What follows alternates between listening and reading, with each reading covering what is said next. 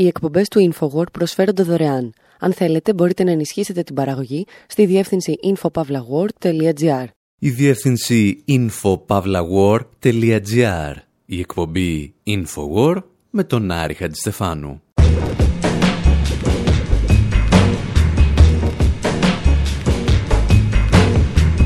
όπου σήμερα αναρωτιόμαστε εάν ο Τραμπ είναι τρελός βασιλιάς ή ο βασιλιάς των τρελών.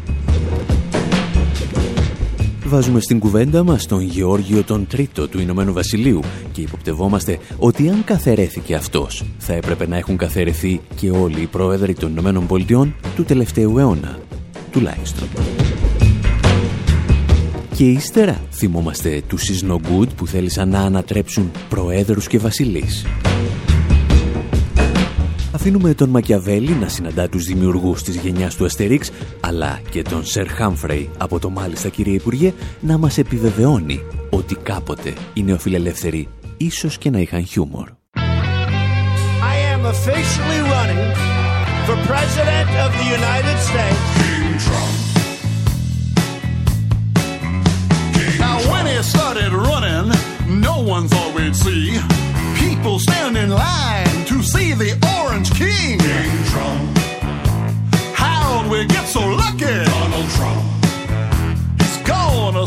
save country. Born with silver spoon, he could buy the moon. King Trump.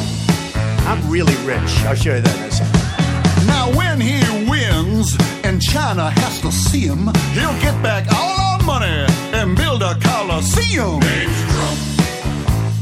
Hillary's a donkey. Donald Trump. He's my favorite honky. Built the Taj Mahal. Ο Bob Rivers, που δεν χάνεται και πολλά αν δεν τον γνωρίζετε, διασκευάζει το τραγούδι King Tut του Steve Martin για τον Τουτανχαμών της Αιγύπτου. Μόνο που ο Rivers τραγουδά για τον βασιλιά Τραμπ. Η εικόνα του Τραμπ σαν βασιλιά δεν είναι καινούρια. Αρκετά από τα μεγαλύτερα μέσα ενημέρωσης των ΗΠΑ παρουσιάζουν εδώ και μήνες τον πρόεδρο της χώρας σαν έναν ανεξέλεγκτο και παρανοϊκό μονάρχη. Η ηλεκτρονική έκδοση Salon έκανε λόγο για τον τελευταίο βασιλιά των Ηνωμένων Πολιτειών και σημείωνε ότι έχει ανατριχιαστικές ομοιότητες με τον Γεώργιο τον Τρίτο. Εάν θυμάστε, ο Γεώργιος ο Τρίτος ήταν ο Βρετανός μονάρχης που νίκησε τον Απολέοντα στο Βατερλό, αλλά έχασε όλες τις κτίσεις του Ηνωμένου Βασιλείου στην περιοχή που σήμερα αποκαλούμε Ηνωμένες Πολιτείες της Αμερικής. Την ίδια ακριβώς σύγκριση είχε επιχειρήσει πρόσφατα και η παρουσιάστρια του MSNBC Casey Hunt, σημειώνοντας ότι ο μόνος ηγέτης της Αμερικής πριν από τον Τραμπ που δεν πίστευε στην πρώτη τροποποίηση του συντάγματος ήταν ο βασιλιάς Γεώργιος ο Τρίτος. Και σαν να μην έφταναν όλα αυτά, τα περιοδικά Time και Foreign Policy συνόδευαν τα κείμενά τους με εικόνες του Τραμπ ντυμένου με τα ρούχα ενός βασιλιά και συγκεκριμένα με τα ρούχα του Γεώργιου του Τρίτου το οποίο είναι ελαφρώς προβληματικό για τον πρόεδρο των Ηνωμένων Πολιτειών, μεταξύ άλλων γιατί ο βασιλιάς Γεώργιος ο Τρίτος του Ηνωμένου Βασιλείου έμεινε στην ιστορία με τον τίτλο «Ο τρελός βασιλιάς». Μια τρέλα την οποία ενδεχομένως να θυμάστε και από την ταινία «The Madness of King George». Well, I'm here now. Play, damn you, play! Ah, remember this one? Hmm?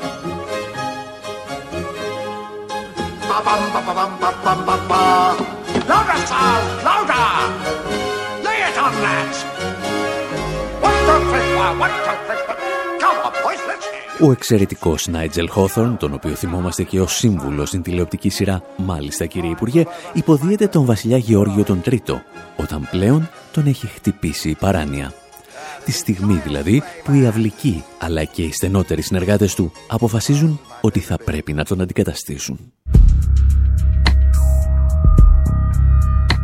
Απόλυτα λογικό λοιπόν κάποιοι να θυμηθούν τον τρελό βασιλιά Γεώργιο τον Τρίτο όταν την περασμένη εβδομάδα έσκασε στις Ηνωμένες Πολιτείες ίσως η είδηση της χρονιάς. Inside the Trump administration, a worst case scenario of a government upside down Στο εσωτερικό τη κυβέρνηση Τραμπ επικρατεί το χειρότερο δυνατό σενάριο αναταραχή. Τα στελέχη προσπαθούν να περιορίσουν την τρέλα που κυριαρχεί στην κορυφή τη πυραμίδα. Ανώτερο αξιωματούχο έγραψε έναν υπόγραφο άρθρο γνώμη στου Times Νέα Υόρκη, περιγράφοντα τον εαυτό του ω μέλο τη αντίσταση στο εσωτερικό τη διοίκηση Τραμπ. Αναφερόμενο σε πολλού αξιωματούχου του Τραμπ, γράφει τα εξή. Πιστεύουμε ότι το πρωταρχικό μα καθήκον είναι απέναντι στη χώρα και ο πρόεδρο συνεχίζει να φέρεται με έναν τρόπο επιβλαβή για την υγεία τη δημοκρατία μα. Και συνεχίζει. Γι' αυτό και πολλοί εντεταλμένοι του Τραμπ υποσχεθήκαμε να κάνουμε ό,τι μπορούμε για να προστατεύσουμε τους δημοκρατικούς θεσμούς μας, ακυρώνοντας τις πιο λανθασμένες παρορμήσει του κυρίου Τραμπ μέχρι να απομακρυνθεί από τη θέση του.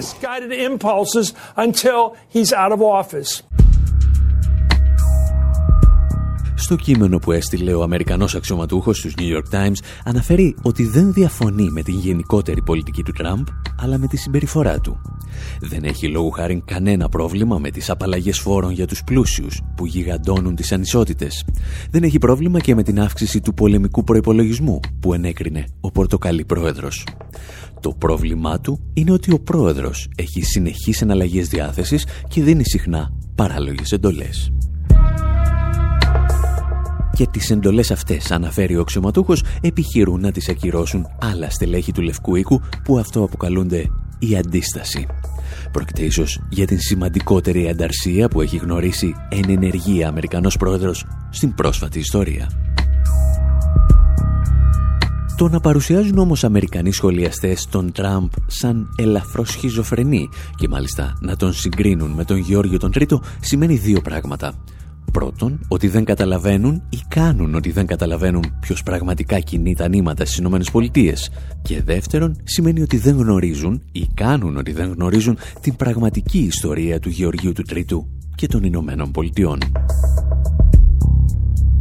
Και γι' αυτό εμείς είμαστε αναγκασμένοι να παίξουμε μπάλα σε άλλες εποχές.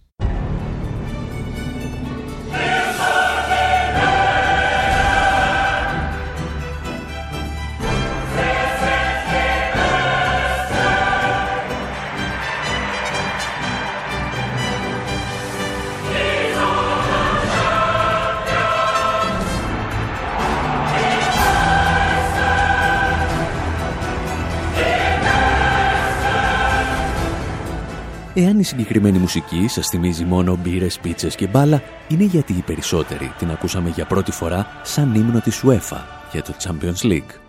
Στην πραγματικότητα, ο ύμνος αυτός της UEFA είναι η διασκευή του Τόνι Μπρίτεν στο έργο του Georg Friedrich Händel με τίτλο «Σαδόκ ο ιερέας». Ένα έργο που πήγαινε κάπως έτσι.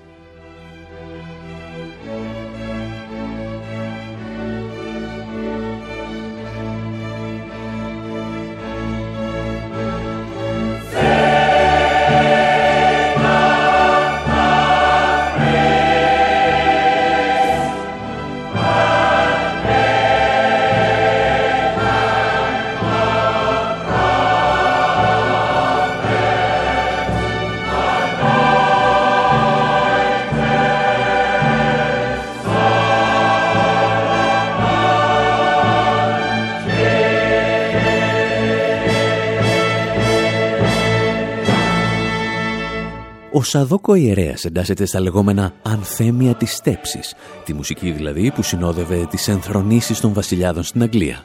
Τη μουσική που συνόδευσε και την ενθρόνηση του Γεωργίου του Τρίτου, του τρελού βασιλιά. Ο όρος τρελός βέβαια στη συγκεκριμένη περίπτωση είναι ελαφρώς άδικος, κυρίως γιατί ο Άγγλος μονάρχης είχε γράψει τη δική του ιστορία πριν του στρίψει. Θα μπορούσαμε λόγου χάρη να θυμόμαστε τον Γεώργιο σαν τον βασιλιά που συνέτρεψε τις δυνάμεις του Ναπολέοντα στο Βατερλό.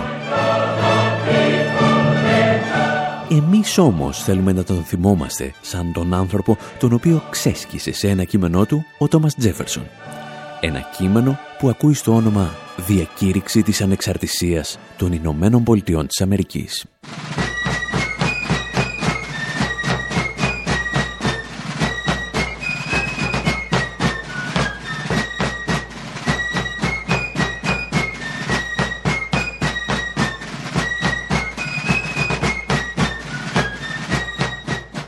Και αυτή η μουσική σας θυμίζει το συγκρότημα ψόφι κοργή, είστε και πάλι εκτός κλίματος, γιατί πρόκειται για το περίφημο Yankee Doodle. έναν μεσαιωνικό ευρωπαϊκό σκοπό, ο οποίος συνόδευσε όμως και την Αμερικανική Επανάσταση. Αυτή η επανάσταση θα οδηγήσει στη δημιουργία του Αμερικανικού κράτους, η οποία σηματοδοτείται με την υπογραφή της διακήρυξης της ανεξαρτησίας. Και αυτό που αρκετοί ξεχνούν σήμερα είναι πως ένα μεγάλο τμήμα του κειμένου δεν ήταν τίποτα περισσότερο από ένα δερμή κατηγορό εναντίον του βασιλιά Γεώργιου του Τρίτου. Αυτό που επίσης ξεχνούν είναι ότι στα περισσότερα παραπτώματα για τα οποία κατηγορούσε τον Γεώργιο Τζέφερσον έχουν υποπέσει σχεδόν όλοι οι Αμερικανοί πρόεδροι του 20ου αιώνα.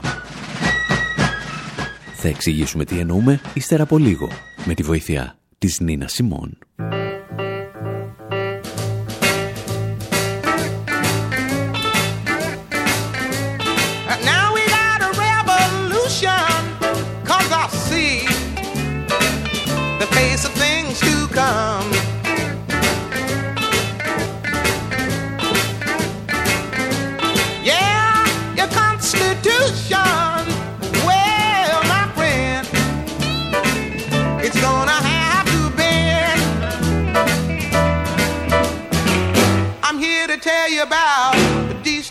Of all the evil that will have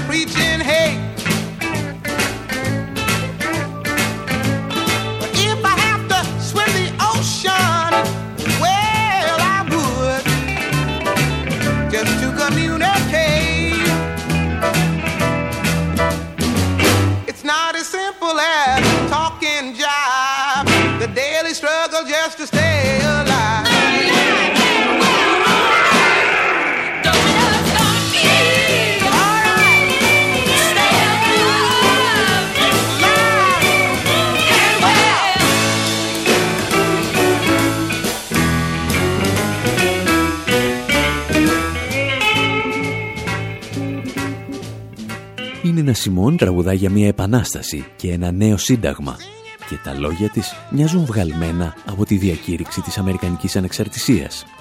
Ένα επαναστατικό κείμενο που όπως και η Νίνα Σιμών δεν καταδίκασε ποτέ τη βία από όπου και αν προέρχεται. Ένα κείμενο που από τις πρώτες του γραμμές εξηγεί ότι οι λαοί έχουν το δικαίωμα, αν χρειαστεί, να ανατρέψουν τις κυβερνήσεις τους, ακόμη και με τη βία. Το κείμενο αυτό όμως, το οποίο προετοίμασε ο Τόμας Τζέφερσον, συνεχίζει με ένα δερμή κατηγορό για τον βασιλιά Γεώργιο τον Τρίτο της Αγγλίας. Ένα κατηγορό που πιστεύουμε ότι σήμερα θα μπορούσε να απευθυνθεί και σε όλους τους Αμερικανούς Προέδρους των τελευταίων δεκαετιών. Για του λόγου του αληθές θα διαβάσουμε μερικά αποσπάσματα και θα δούμε τι μας θυμίζουν. Ο βασιλιάς, έγραφε ο Τόμας Τζέφερσον, έφερε προσκόμματα στην εφαρμογή των νόμων για την πολιτογράφηση των ξένων και αρνήθηκε να ενθαρρύνει τη μετανάστευση. Αν και η κατηγορία φαίνεται να φωτογραφίζει την μεταναστευτική πολιτική του Τραμπ, δεν πρέπει να ξεχνάμε ότι ο Ομπάμα είναι αυτός που διατηρεί ακόμη τον τίτλο του Deporter in Chief. Ας το μεταφράσουμε «Βασιλιάς των Απελάσεων». Γιατί ο Ομπάμα είναι ο άνθρωπος που απομάκρυνε από τη χώρα 3 εκατομμύρια μετανάστες. Λίγες γραμμές πιο κάτω, η διακήρυξη της ανεξαρτησίας αναφέρει ότι ο βασιλιάς επιχείρησε να καταστήσει τη στρατιωτική εξουσία ανώτερη της πολιτικής. Συνεχίζει μάλιστα λέγοντας πως έχει διατηρήσει ανάμεσά μας ακόμη και σε καιρούς ειρήνης μόνιμο στρατό, χωρίς τη συγκατάθεση των νομοθετών μας. Αυτή όμως δεν είναι και η παρακαταθήκη της 11 Σεπτεμβρίου. Ο Μπούς, ο Ομπάμα και ο Τραμπ δεν διέταξαν στρατιωτικές επιχειρήσεις σε όλο τον κόσμο, χωρίς να συμβουλευτούν τα νομοθετικά σώματα. Αυτοί οι άνθρωποι δεν χρησιμοποίησαν τις ενόπλες δυνάμεις και στο εσωτερικό των ΗΠΑ για την αντιμετώπιση ταραχών. Ο βασιλιάς, συνέχιζε ο Τζέφερσον, στέλνει ανθρώπους πέρα από τους ωκεανούς για να δικαστούν για ανυπόστατα αδικήματα. Η πρόταση θα μπορούσε να έχει γραφτεί για το κολαστήριο του Γκουαντάναμο, με τη διαφορά ότι αρκετοί από τους κρατούμενους εκεί δεν πέρασαν ούτε καν από τις στιμένες δίκες του Βρετανού μονάρχη. Ο βασιλιάς, συνεχίζει η διακήρυξη, μεταφέρει ήδη ισχυρές στρατιωτικές δυνάμεις ξένων μισθοφόρων για να ολοκληρώσουν το έργο θανάτου, έρημωσης και τυραννίας. Για άλλη μια φορά, οι κατηγορίες θα μπορούσαν να έχουν γραφτεί για τις εταιρείες μισθοφόρων, τις οποίες οι πρόεδροι Μπούς, Ομπάμα και Τραμπ χρησιμοποίησαν όχι μόνο στο εξωτερικό, αλλά και στο εσωτερικό των Ηνωμένων Πολιτειών. Χαρακτηριστικό παράδειγμα, η ανάπτυξη μισθοφόρων της Blackwater στη Νέα Ορλεάνη, μετά τον τυφώνα Κατρίνα. Στη διακήρυξη της ανεξαρτησίας διαβάζουμε τέλος ότι ο βασιλιάς λαιλάτισε τις θάλασσές μας, ρήμαξε τις ακτές μας, κατέκαψε τις πόλεις μας και κατέστρεψε τις ζωές του λαού μας. Αν εδώ αλλάξουμε τις ημερομηνίες, θα δούμε μπροστά στα μάτια μας την καταστροφή του περιβάλλοντος από ενέργειες όπως η εξόριξη πετρελαίου στην Αλάσκα, ή τη μόλυνση αλλά και την υπεραλίευση των θαλασσών. Θα δούμε επίσης τις πυρκαγιές, οι οποίες λαμβάνουν φωνικά χαρακτηριστικά λόγω του φαινομένου του θερμοκηπίου. Θα δούμε όμως και τις ιδιωτικοποιήσεις των υπηρεσιών δασοπυρόσβεσης που έκαναν το πρόβλημα ακόμη μεγαλύτερο. Θα δούμε όμως κυρίως μια χώρα με τουλάχιστον 50 εκατομμύρια φτωχούς, η ζωή των οποίων εξαρτάται πλέον από συσίτια και επιδόματα σύντησης. Το πρόβλημα λοιπόν του βασιλιά Γεώργιου του Τρίτου δεν ήταν η τρέλα του. Άλλωστε αυτή ήρθε μετά την ανεξαρτησία των ΗΠΑ. Το πρόβλημα ήταν ότι κυβερνούσε αυταρχικά και μάλιστα με τον ίδιο ακριβώς τρόπο με τον οποίο κυβερνούν εδώ και δεκαετίες όλοι οι Αμερικανοί πρόεδροι, μεταξύ των οποίων και ο Ντόναλτ Τραμπ και αν ο Τόμας Τζέφερσον ήταν ζωντανός, πιθανότατα θα καλούσε τους Αμερικανούς πολίτες να ανατρέψουν κάθε κυβέρνηση και κάθε πρόεδρο που πέρασε από το Λευκό Οίκο, εδώ και σχεδόν δύο αιώνες. Εσείς πάλι, πριν από την ανατροπή, θα μείνετε εδώ, γιατί ύστερα από ένα μικρό διάλειμμα συζητάμε όχι για τους βασιλιάδες που πρέπει να ανατραπούν, αλλά για τους Ισνογκούντ που θέλουν να τους ανατρέψουν.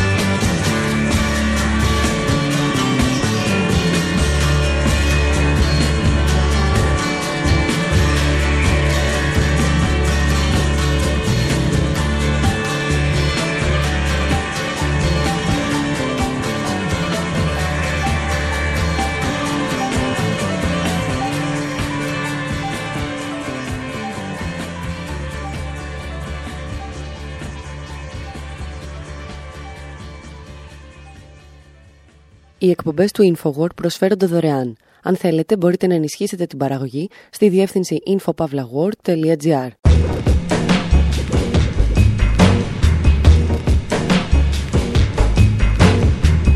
Εκπομπή InfoWord, μέρος δεύτερο.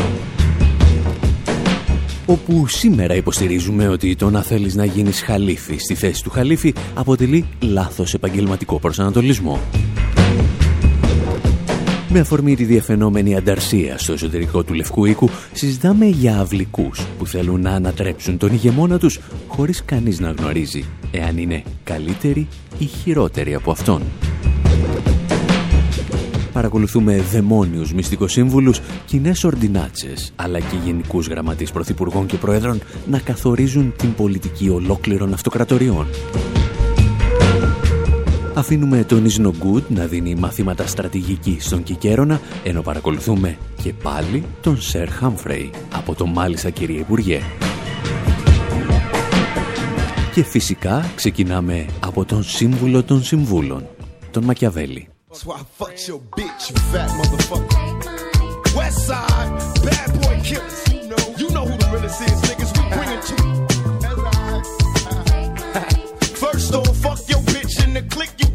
West side when we ride, come equipped with game. You claim to be a player, but I fucked your wife. We bust on bad boys, niggas fuck for life. Plus, Puffy trying to see me weak, hearts I rip. Biggie Smalls and Junior Mafia, some mark ass bitches.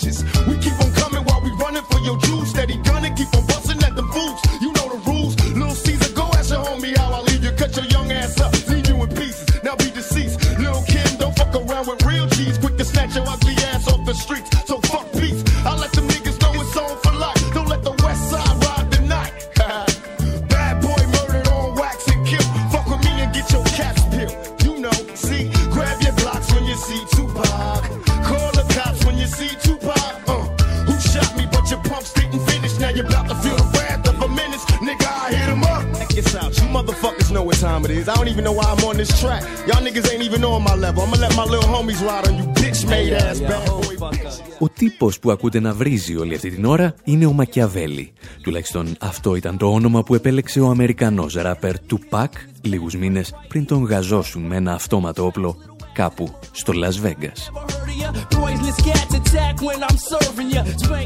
Ο Μακιαβέλη, αν και είχε μπλέξει με κάτι συμμορίες, ήταν σχετικά πολιτικοποιημένο παιδί. Δεδομένου μάλιστα ότι και οι δύο του γονείς ήταν στο παρελθόν μέλη της οργάνωσης. Μαύροι Πάνθυρες.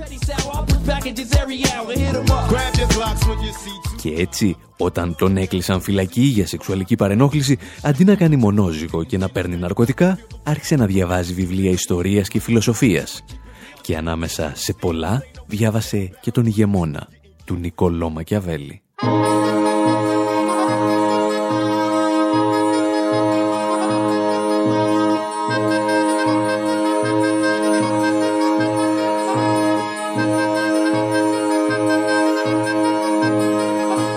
Νικολό Μακιαβέλη είχε αυτή τη μοναδική ικανότητα να συγκινεί από την αριστοκρατία της αναγέννησης και τους πρώτους διανοητές της αστικής επανάστασης μέχρι κάτι Αμερικανούς ράπερ. Θεωρείται δικαίως ο απόλυτος σύμβουλος που κάθε ηγεμόνας θα ήθελε να έχει στο πλευρό του, αφού ήταν έξυπνος και δεν διεκδικούσε τη θέση των πολιτικών προϊσταμένων του. Αυτά είναι και τα δύο βασικά χαρακτηριστικά με τα οποία μπορούμε να κατατάξουμε τους συμβούλους. Αν διεκδικούν ή όχι να πάρουν τη θέση του ηγεμόνα για τον οποίο εργάζονται και αν είναι πιο ευφύης ή εξίσου ευφύης με αυτόν. Θεωρητικά βέβαια θα μπορούσε να υπάρξει και μία ακόμη υποκατηγορία συμβούλων οι οποίοι θα είναι διανοητικά κατώτεροι του ηγεμόνα. Ο Μακιαβέλη λοιπόν, για να μην χανόμαστε δεξιά και ακροδεξιά, υπήρξε σύμβολο των συμβούλων που δεν διεκδικούν τη θέση του ηγεμόνα. Δεν ήταν όμως ο πρώτος. Η έννοια του μυστικού σύμβουλου είναι παλιά όσο και η πολιτική και ίσως η σημαντικότερη προσωπικότητα που κινούσε τα νήματα αλλά δεν έλαβε τη θέση που της άξιζε στα επίσημα βιβλία της ιστορίας να ήταν ο Κόιντος, ο αδερφός του Κικέρονα. Κάπου εκεί, στο 64 π.Χ., όταν ο Κικέρον διεκδικούσε την ψήφο των Ρωμαίων για το αξίωμα του ύπατου, ο Κόιντος ετοίμασε γι' αυτόν το πρώτο εγχειρίδιο πολιτικής επικοινωνίας. Μεταξύ άλλων συμβούλευε τον αδερφό του να τα έχει καλά με τους μεγάλους εργολάβους αλλά και τα λόμπι της εποχής. Με υπομονή, έλεγε ο Κόιντος, να καλλιεργείς τη σχέση σου με τους ανθρώπους που διαθέτουν προνόμια. Να τους θυμίζεις ότι είσαι ο παδός της παράδοσης και όχι λαϊκιστής. Και το εγχειρίδιο συνέχιζε με κάθε ευκαιρία να θυμίζεις τις μάζες πόσο καθάρματα είναι οι αντίπαλοι σου και να δίνεις συγκεκριμένα παραδείγματα από τα εγκλήματα, τα σεξουαλικά σκάνδαλα και τη διαφθορά τους. Και αν ο Κόιντος και ο Μακιαβέλη ζούσαν στον 20ο αιώνα, υποπτευόμαστε ότι θα παρακολουθούσαν φανατικά τον Σερ Χάμφρεϊ από την τηλεοπτική σειρά του BBC «Μάλιστα κύριε Υπουργέ».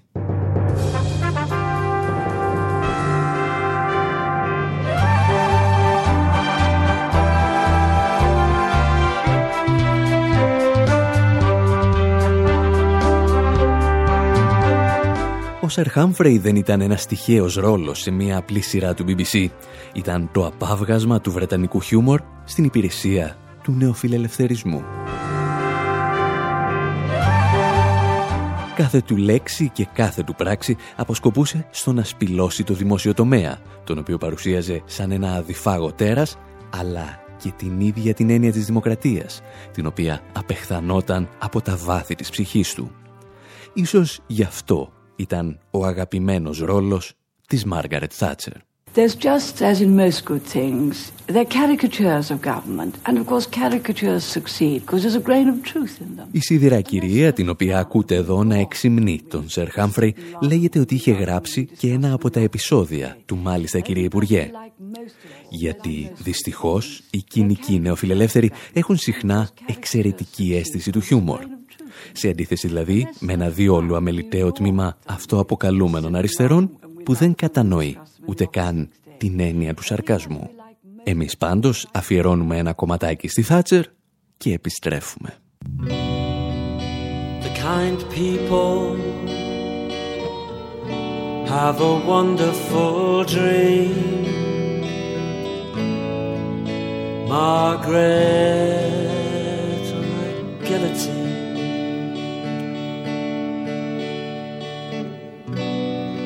people like you make me feel so tired.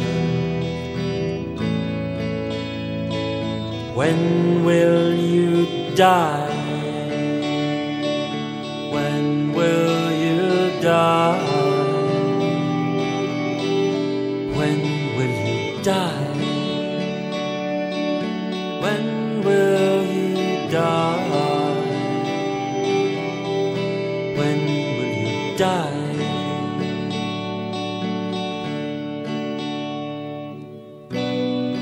People like you make me feel so old inside. Please die.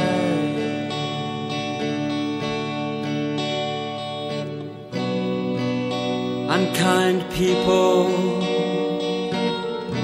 do not shelter this dream, make it real. The dream. Make the dream real. It real.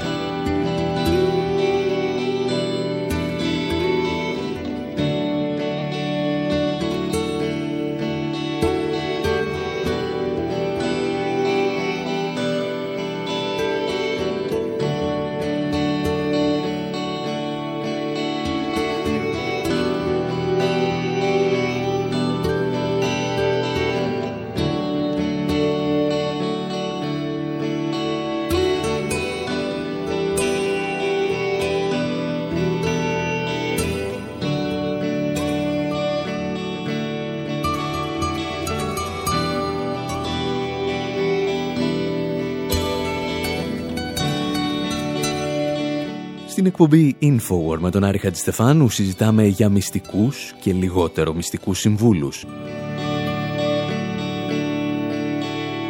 Μίλησαμε μέχρι τώρα για συμβούλους όπως ο Κόιντος, ο Μακιαβέλη και ο Σερ Χάμφρεϊ, οι οποίοι ήταν πιο ικανοί από τον πολιτικό τους προϊστάμενο, αλλά δεν αμφισβητούσαν την ηγεσία του.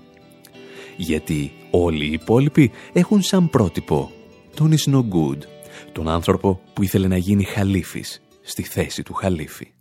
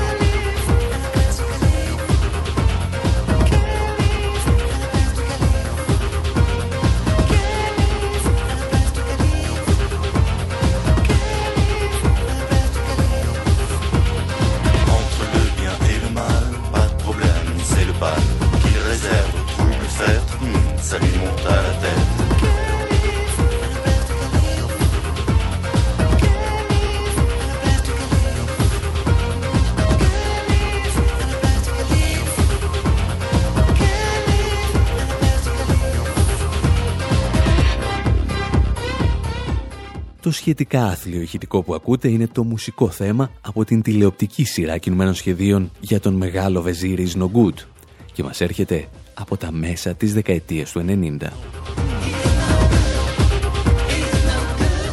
Καταξιωμένος πλέον στο κοινό, μέσω της αποτυχίας του να γίνει χαλίφη στη θέση του χαλίφη, ο Is No Good αποτελούσε ήδη την απόλυτη καρικατούρα κάθε δαιμόνιου συμβούλου.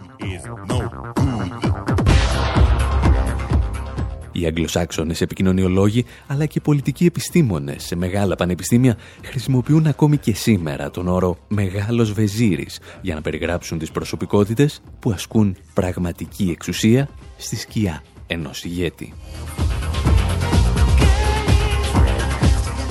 Ο όρος βέβαια δεν προκύπτει από τον Ισνογκούντ αλλά από τους μεγάλους βεζίριδες της Οθωμανικής Αυτοκρατορίας θα ήταν σαν να λέγαμε σήμερα γενική γραμματής της κυβέρνησης. Ο δικός μας Ισνογκούτ πάντως θα γεννηθεί το 1962 από την πένα του Ρενέ Γκοσινή, του δημιουργού του Αστερίξ και κατά μία έννοια θα κερδίσει την μάχη με το Χαλίφι.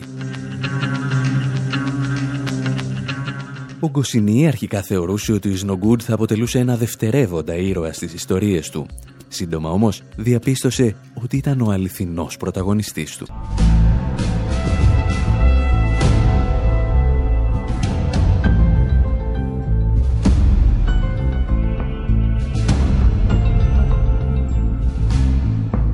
Στο πέρασμα των αιώνων, εκατοντάδες πολιτικοί ηγέτες ταυτίστηκαν ή μετατράπηκαν σε μαριονέτες κάποιου σκιώδη συμβούλου Τις περισσότερες φορές όμως, οι σχέσεις του μεγάλου βεζίρι με τον εκάστοτε χαλίφη δεν είναι συγκρουσιακές, ούτε χαρακτηρίζονται από την προσπάθεια του πρώτου να καταλάβει τη θέση του δεύτερου.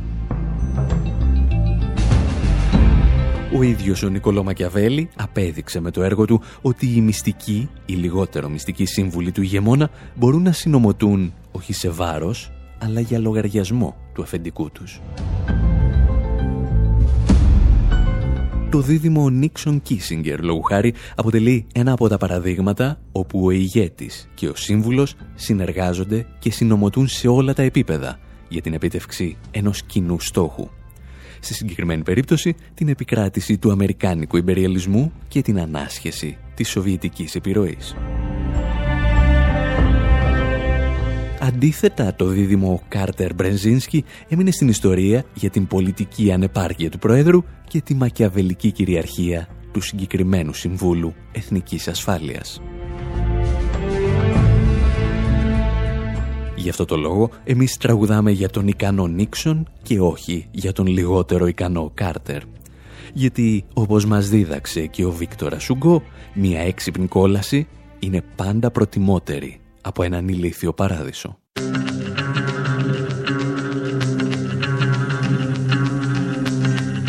Κάπου εδώ όμως και εμείς λέμε να σας αφήσουμε και για αυτή την εβδομάδα. Να σας πούμε πρώτα ότι ετοιμαζόμαστε να ανηφορήσουμε για τη Θεσσαλονίκη στα τέλη του Σεπτεμβρίου. Συγκεκριμένα στις 28 Σεπτεμβρίου, κατά τις 8.30 το βράδυ και μετά, μαζευόμαστε στο ωραίο Ντεπό και συζητάμε για το νέο μας ντοκιμαντέρ Make the Economy Scream και τις εξελίξεις στη Βενεζουέλα και ολόκληρη τη Λατινική Αμερική αν και κάποιοι ενδέχεται να ισχυριστούν ότι πρόκειται απλώς για μια βιτρίνα ενός ακόμη πάρτι. Περισσότερα όμως γι' αυτά θα βρείτε τις επόμενες ημέρες στη διεύθυνση infopavlagor.gr και maketheeconomyscream.com Μέχρι πάντως την επόμενη εβδομάδα, από τον Άρη Χατζηστεφάνου στο μικρόφωνο και τον Δημήτρη Σαθόπουλο στην τεχνική επιμέλεια, γεια σας και χαρά σας.